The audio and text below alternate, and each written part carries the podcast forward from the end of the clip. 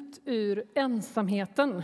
När vi idag avslutar det här temat så ska jag säga någonting om barriärer, murar och hinder. Barriärer som låser oss i ensamhet, murar som vi bygger mellan oss människor och hinder som inte leder oss ut ur ensamhet utan som förstärker den. Glöm nu inte att det vi pratar om är en rörelse ut ur någonting. Ut ur ensamhet. Vi är satta i rörelse. Vi är på väg mot någonting och vi är på väg mot gemenskap. Guds rike som redan är här, men som också ska komma, det präglas av gemenskap. All ensamhets motsats. Och det är det vi är på väg emot. Vi har sagt några viktiga saker under tre veckor nu. Vi har sagt att Gud har gjort ett hem hos sig åt oss. Vi som var långt borta har fått komma nära, läste vi från Efesierbrevet 2. Gud har rivit ner den största av alla murar, den som var mellan hans folk, judarna, och alla oss andra.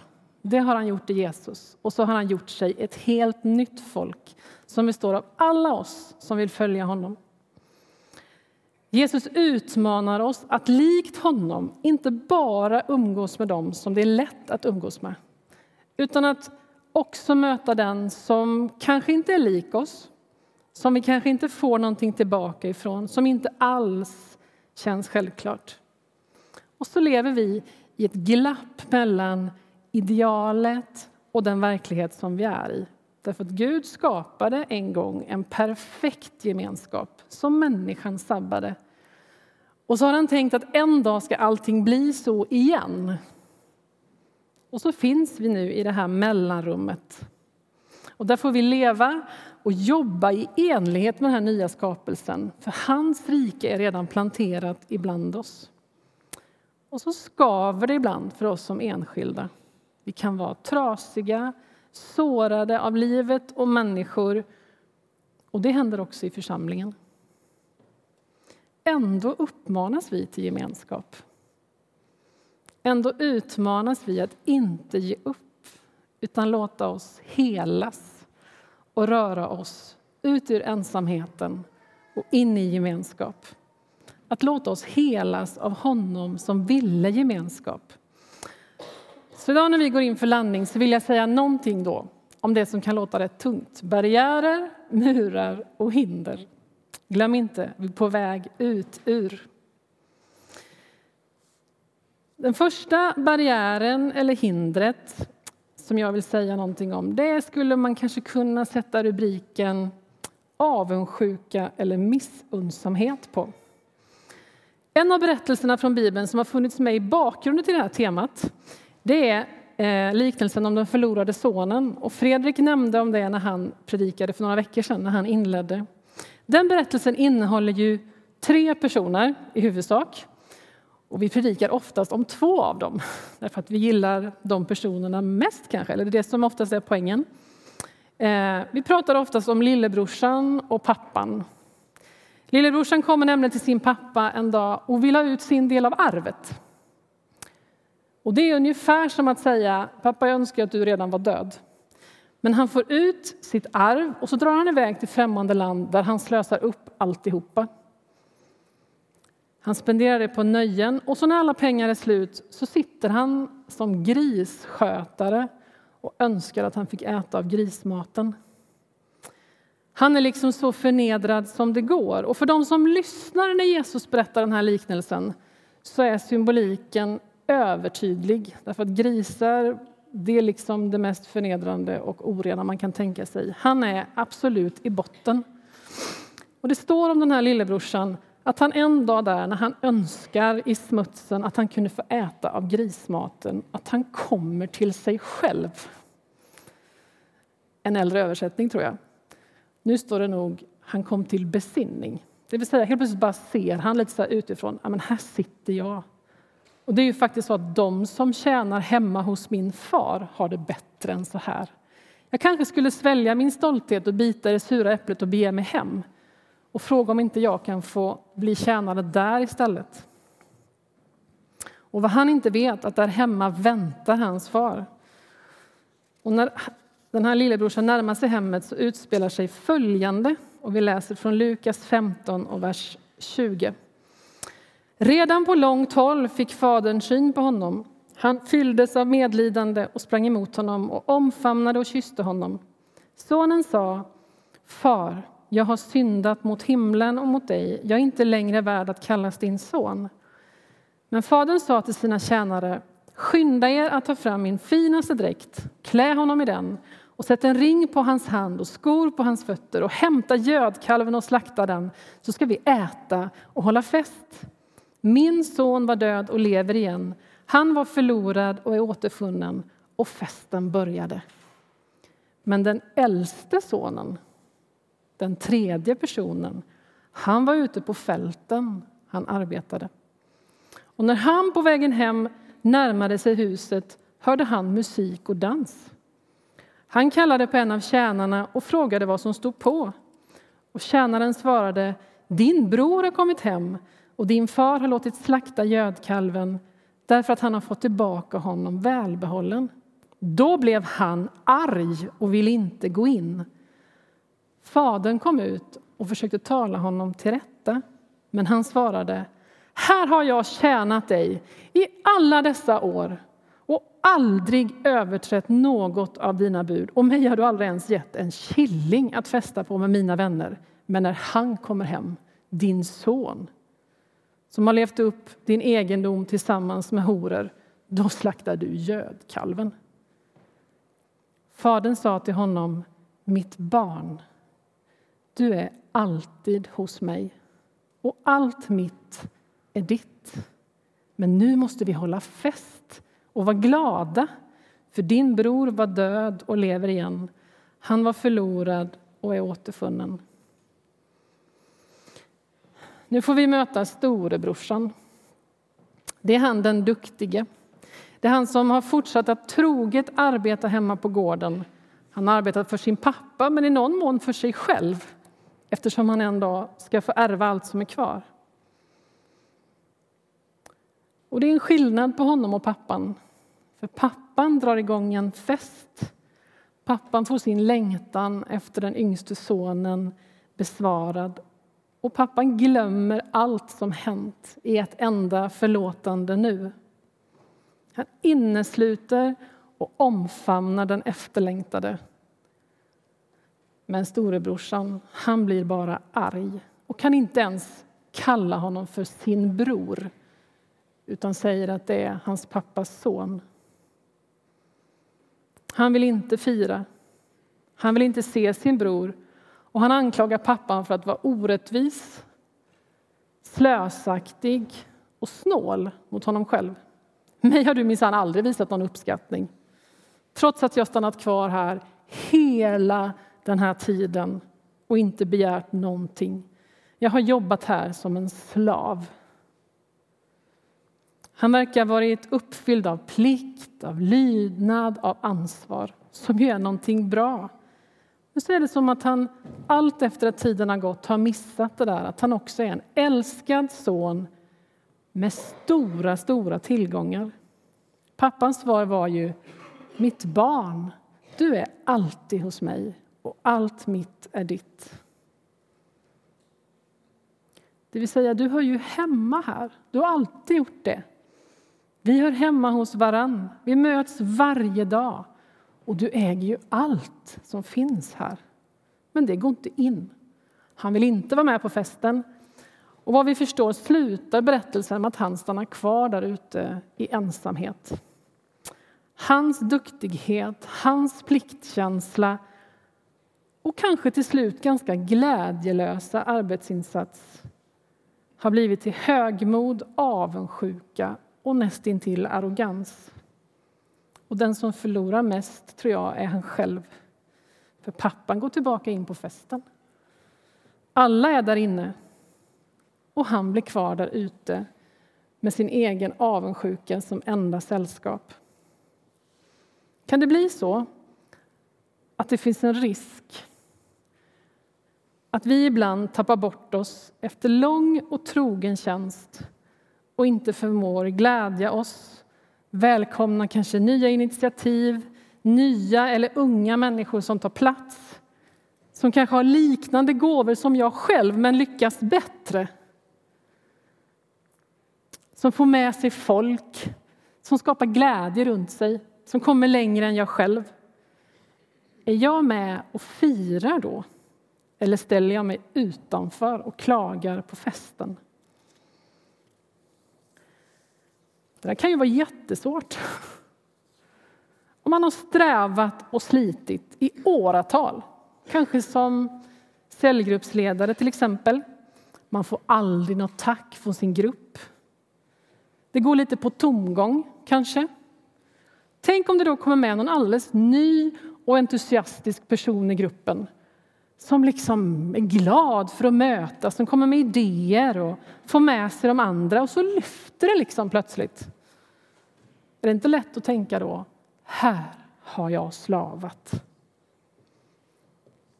Eller de där gångerna när kanske alla andra ger upp och jag blir ensam kvar och sliter och släpar av plikt och ansvar. Och hur går det om också jag slutar? Det är lätt att bli tung i hjärtat eller att känna sig fastlåst. Eller om det där som jag brann för dör ut och någonting annat blomstrar. Kanske är så att då har man att välja på att ställa sig utanför med sin egen avundsjuka eller missundsamhet. Eller att bli en sån som firar, som bjuder med och bjuder in, som uppmuntrar och skjutsar på, som identifierar en ny ledare. Jag tänker, ju äldre jag blir, ju mer hemma jag blir i huset så måste jag allt mer vaka på mina attityder så att jag bjuder in och bygger gemenskap istället för att stänga ute och bygga barriärer. Jag tror att en församlings fortlevnad och blomstring är beroende av det. Ett annat hinder det skulle kunna vara hur vi värderar vår egen insats eller någon annans insats. En annan berättelse från evangelierna det är den om brödundret. Och det är inte en liknelse berättad av Jesus som det vi nyss eh, läste, utan det är en berättelse om vad som hände runt honom och vad han gjorde. Och jag kommer läsa från Johannes 6. Massor med folk har samlats runt Jesus. Det har börjat bli kväll och folk, folk börjar helt enkelt bli hungriga. Och då utspelar sig följande från vers 5. När Jesus lyfte blicken och såg att så mycket folk var på väg till honom sa han till Filippos var ska vi köpa bröd så att alla dessa får något att äta? Det sa han för att pröva Filippos. Själv visste han vad han skulle göra. Schysst. Filippos svarade, det räcker inte med bröd för 200 denarer om de ska få en bit var. En av lärjungarna, Simon Petrus bror Andreas, sa här är en pojke som har fem kornbröd och två fiskar. Men vad förslår det till så många? Jesus svarade, låt folket slå sig ner. Det var gott om gräs på den platsen och de slog sig ner. Det var omkring 5 000 män. Jesus tog brödet, tackade Gud och delade ut åt dem som låg där. Och likaså av fiskarna, så mycket de ville ha. När de hade ätit sig mätta sa han till lärjungarna, samla ihop bitarna som har blivit över så att ingenting förfars. De samlade ihop dem och fyllde tolv korgar med de bitar av de fem kornbröden som hade blivit över när de hade ätit. Den här berättelsen är omnämnd i alla fyra evangelier och detaljerna kring antalet människor och antalet bröd och fiskar och om det var fisk och sådär, det varierar. Men en sak är väldigt klart, det är otroligt mycket folk och det är väldigt lite mat. Men så händer det också något märkligt, för det finns en pojke med en liten matsäck. En matsäck lagom för en pojke. Och antingen så sitter han väl där och håller på att börja plocka fram den där. Och så får Andreas syn på honom. Och så är Andreas kreativ, modig och prestigelös och berättar för Jesus att här finns lite mat, även om det är löjligt lite. Eller så hör pojken lärjungarna surra om den här matkrisen. Och så kommer han själv fram med sin matsäck, kreativ, modig och prestigelös och säger att ja, det här är ju väldigt lite, men ni får gärna ta det. Det som händer sen är ju att alla tusentals människor blir mätta på den där lilla matsäcken och den här berättelsen och den här pojken går till historien som brödundret. Jag tänker att det här undret är fullständigt spektakulärt. Det är bortom allt vad jag har varit i närheten av. Jag kan inte ens se hur det går till. Liksom. Om jag skulle stå här med fem bröd, liksom. så nu börjar vi då. Hur går det ens till? Hur gör man? Väntar man på att det rasar ner från himlen eller börjar man dela ut? Hur gör man? Jag vet inte. Det är spektakulärt. Men jag tänker att den där lilla, lilla berättelsen i berättelsen om den där pojken och hans matsäck, att den är kanske också ett lika stort under på ett sätt. Tänk att den där pojken och hans lilla matsäck överhuvudtaget blir ett förslag. Och tänk att någon tar emot det där förslaget och liksom tar det vidare. Jag tycker att det är ett under. Kanske startar undret där. Vilket dramatiskt och avgörande ögonblick av bejakande, möjliggörande, välkomnande, bekräftande, nedrivande av barriärer och hinder och gemenskapsbyggande. Det finns så många riskmoment i den där lilla, lilla sekvensen. Jag tänker att vi som gemenskap är med om det hela tiden. Det där ödmjuka lilla förslaget och så hur det bemöts. Hur varje sån sekvens kan leda till gemenskap, innanförskap, delaktighet, ägandeskap, hemkänsla, ytterligare kreativitet och glädje. Istället för förkastelse, ensamhet, missmod. Det kan handla om det där lilla, lilla bidraget in i en samling eller en planering eller liksom ett samtal. Och hur det tas emot. Och jag tänker att vi både kan bygga barriärer genom att kvala ut oss själva. Det kunde ju pojken gjort. jag sitter här med min lilla matsäck, men den är så löjlig så att... Äh. Eller så kan vi bygga barriärer genom att vara Andreas som tar emot den. Han hade också kunnat säga äh, det är ju larvigt. Men han gör inte det.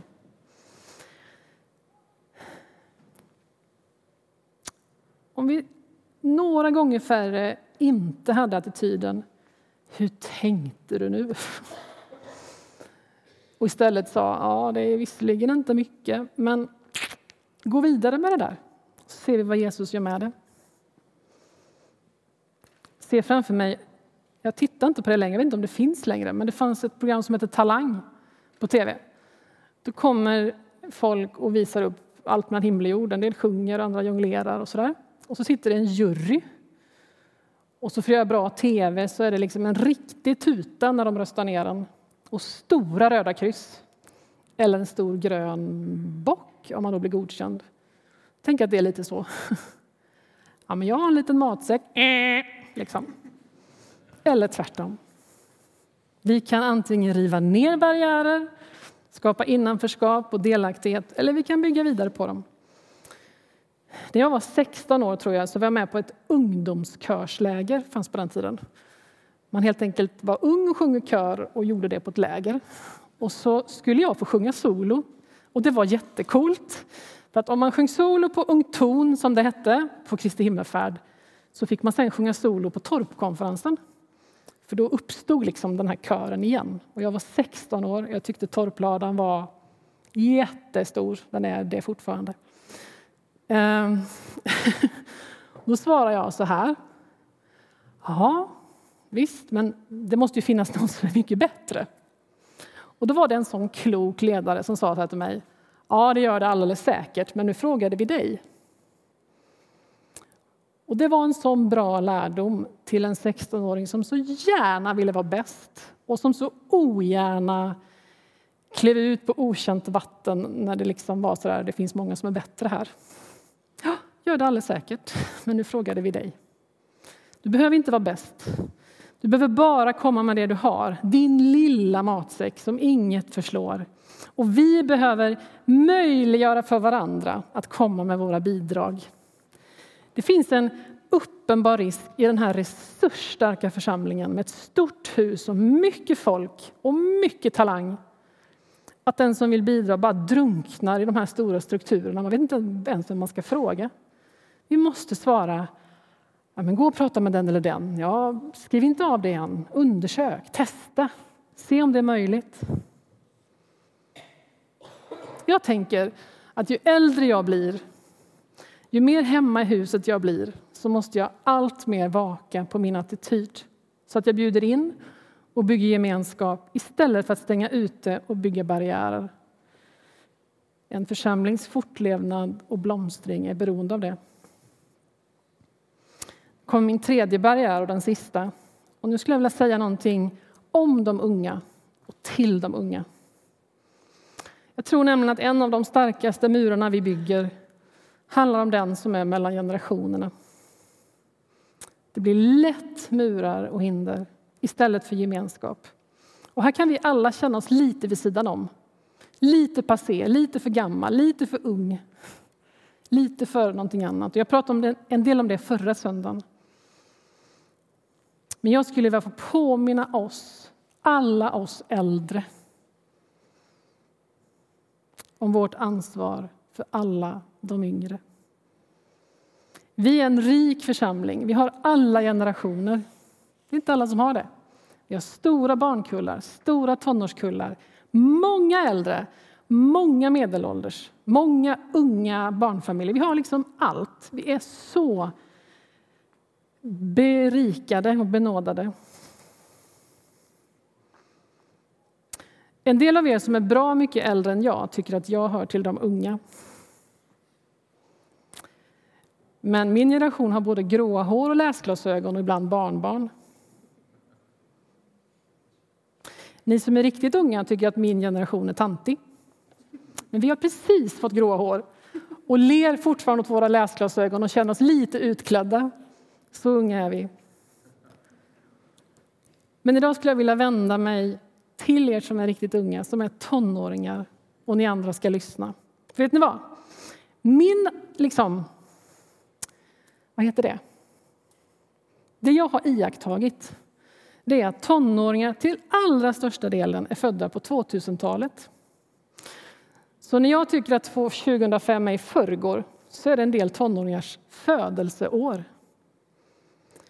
Tonåringar är i hög grad engagerade, kunniga, kompetenta, arbetsamma, pålästa, analytiska, mycket verbala och väldigt trevliga.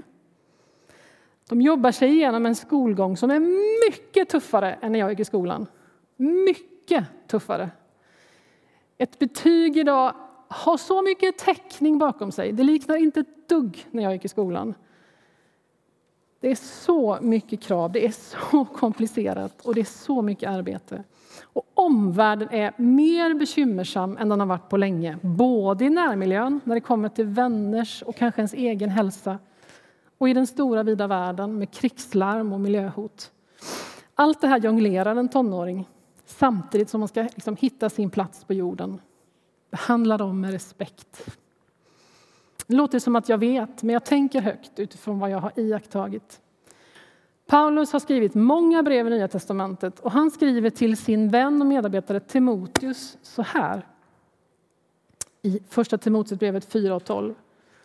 Låt ingen se ner på dig för att du är ung utan var en förebild för de troende i allt du säger och gör, i kärlek, tro och renhet. Nu skulle jag vilja att alla som är äldre än ska vi säga 20 nu blir du med bland de äldre. Nu läser vi för tonåringarna. Kan vi göra det? Med mig. Nu. Låt ingen se ner på dig för att du är ung utan var en förebild för de troende i allt du säger, gör i kärlek, tro och renhet. Och som vi skulle läsa för oss själva, se inte ner på den som är ung. Respektera dem som förebilder i vad de säger och gör i kärlek, tro och renhet. En norsk pingstpastor som predikar i vårt land ibland och på Torp till exempel och som har skrivit en bok som heter Ge det vidare. Han heter Egil Svartdal. Han är själv inte så jätteung. Han är 65 snart och han talar frimodigt till sin egen generation och till alla generationer om hur vi ska kunna liksom finnas tillsammans i en församling. En av hans poänger är att det är så lätt att man i sin egen liksom, åldersgrupp, min är ju då medelålders, eh, att man blir som en fackförening. Och vad gör en fackförening? Jo, den ser till våra egna rättigheter, hur det blir så bra som möjligt för oss. Liksom, så mycket utrymme, så mycket pengar, så bra, så mycket liksom, fördelar som möjligt. Det gör en fackförening. Och så gör vi ibland också i kyrkan. Och Egil han uppmanar oss alla att istället bli andliga föräldrar. Vad gör en förälder? Jo, de finns där för nästa generation. De leder, de ger utrymme, de lyfter, tillrättavisar, uppmuntrar, går före, ger utrymme, älskar, visar omsorg, ger utrymme. Vilken underbar väg för oss alla ut ur ensamheten. Vilket fantastiskt sätt att riva murar och barriärer och ta bort hinder. Att bädda för nästa generation. Det här gäller ju alla då, utom barnen. Det gäller tonåringarna också. Snacka om att få en uppgift. Att i varje tid få ha en avgörande betydelse för församlingens utveckling. Snacka om att liksom göra bäst nytta Jag ska se lite bortom mig själv och så ska jag bädda så att det blir så bra som möjligt för nästa generation. Och unga behöver alla som är äldre än de själva. Varje generation behöver någon att ta rygg på. Jag också, en medelålders också. Det nästan underbaraste i den här församlingen det är alla ni som är ungefär i ålder med mina föräldrar som kommer till mig och säger hur är det? Jag ber för dig, tänker på dig, hur går det med ryggen? Hur går det med barnen? Har Thomas fått något jobb? Det är föräldraskap. Varje generation behöver någon att ta rygg på och få skydd av. Men ingen generation behöver en mur att ta sig igenom som stoppar all rörelse. Och att inte släppa fram nästa generation, och framförallt de unga, de yngsta det är att bädda för ensamhet, för murar, för icke-gemenskap, för grupperingar. Och hemlöshet tror jag är en uppenbar risk när det kommer till församlingstillhörighet. Jag tänker, ju äldre jag blir, ju mer hemma i huset jag blir så måste jag alltmer vaka på min egen attityd så att jag bjuder in och bygger gemenskap istället för att stänga ute och bygga barriärer. En församlings fortlevnad och blomstring är beroende av det.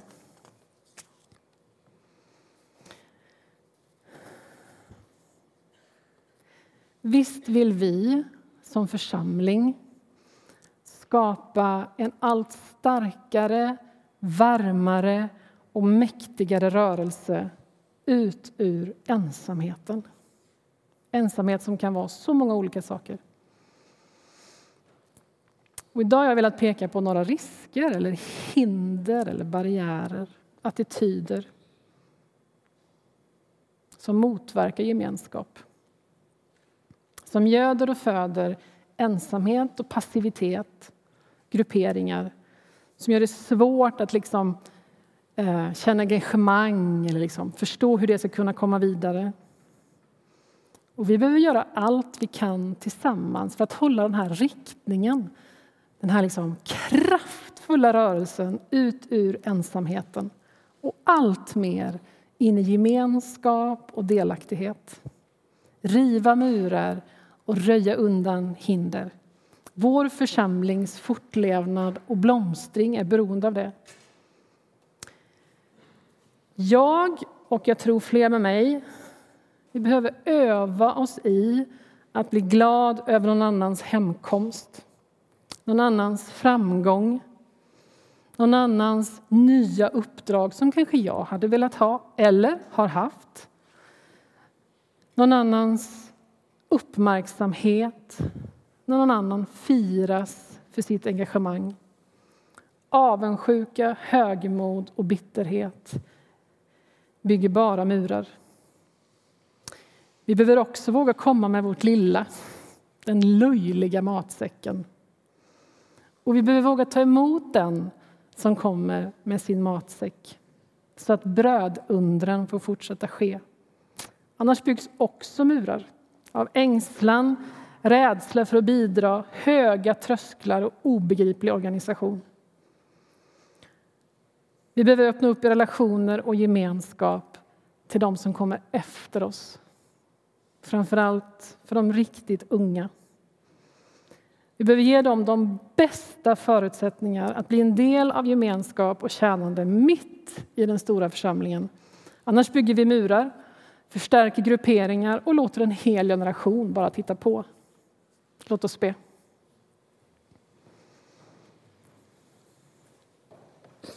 Tack för din tanke, Herre, om församling och om ditt rike. Du har bara gett oss bilder som handlar om en massa folk. Att du bygger ett rike, att du vill ha ett folk, att vi är ett liksom, husfolk, en gemenskap, att vi är din kropp. Allt andas samhörighet, samarbete, gemenskap. Herre, du vet när vi blir liksom lite avoga och inte fixar det av olika anledningar. Herre, hjälp oss att bli inkluderande, öppna och generösa, välkomnande, bejakande. Hjälp oss att skapa breda motorvägar av liksom, här kan du gå med din längtan. Här kan du gå med ditt engagemang. Här hittar du vägen fram. Istället för att liksom krångla till saker och göra det svårt. Liksom. Planteras häckar så det bara blir en liten snutt kvar att gå på där man inte ens ser vart man ska. Herre, vi vill få bli en, en gemenskap som kanaliserar allt ditt goda till varandra och ut till hela världen. Hjälp oss riva murar, inte bygga grupperingar. Se varandra, sträcka oss till den som vi kanske inte trodde att vi skulle ha någonting gemensamt med. Rör vid våra liv, Herre. Tack för att vi får vara på väg ut ur ensamheten till det som du har tänkt. Tackar dig för det. Tack för din stora tanke om din församling. Amen. Nu har jag pratat jättelänge. Vi har pratat i fyra veckor om gemenskap, om hemkomst. Och jag har kallat det för ett lämmeltåg ut ur ensamhet. Och nu när vi går in i en stund av eftertanke, respons och bön så vill jag utmana dig till en sak. Jag tycker att du ska göra en liten anteckning. Penna och papper om du trivs med det, i telefonen. Och har du inget av det så får du ha väldigt gott minne. Skriva ner när du kommer hem. Vad blir ditt bidrag till den här rörelsen? Jag ska ge dig några hintar vilka områden det skulle kunna vara, sånt som vi har tagit upp. Behöver du göra upp med eller vaka på någon av de här attityderna som jag har nämnt idag? Behöver du kanske helas från sår som gör det smärtsamt att, att ens våga närma sig andra människor? Behöver du anta utmaningen att umgås med den som kanske inte ligger närmast till hands? Som du tänker att du inte har något gemensamt med eller inte skulle kunna få så mycket tillbaka från. Behöver du ett tag vila vid tanken att ditt hem är hos Gud? Du är barn i huset. Eller behöver du kanske komma hem till honom för första gången? Eller efter en tids irrfärd i främmande land? Vi kommer vara i lovsång nu och vi har förebedjare här borta som gärna ber tillsammans med dig. Och vi öppnar också våra böneplatser som kan handla om lite annat också. Att vi ber för världen, vi ber för Linköping, vi ber för människor som vi vill ska komma hem till Gud. Namn som finns i den burken eller nya namn som kan tillkomma idag. Du kan be för en situation som du vill att Guds ljus ska få komma in i. Och du får också väldigt gärna för dig själv liksom böja knä här. Men vad är ditt bidrag till den här rörelsen ut ur ensamheten?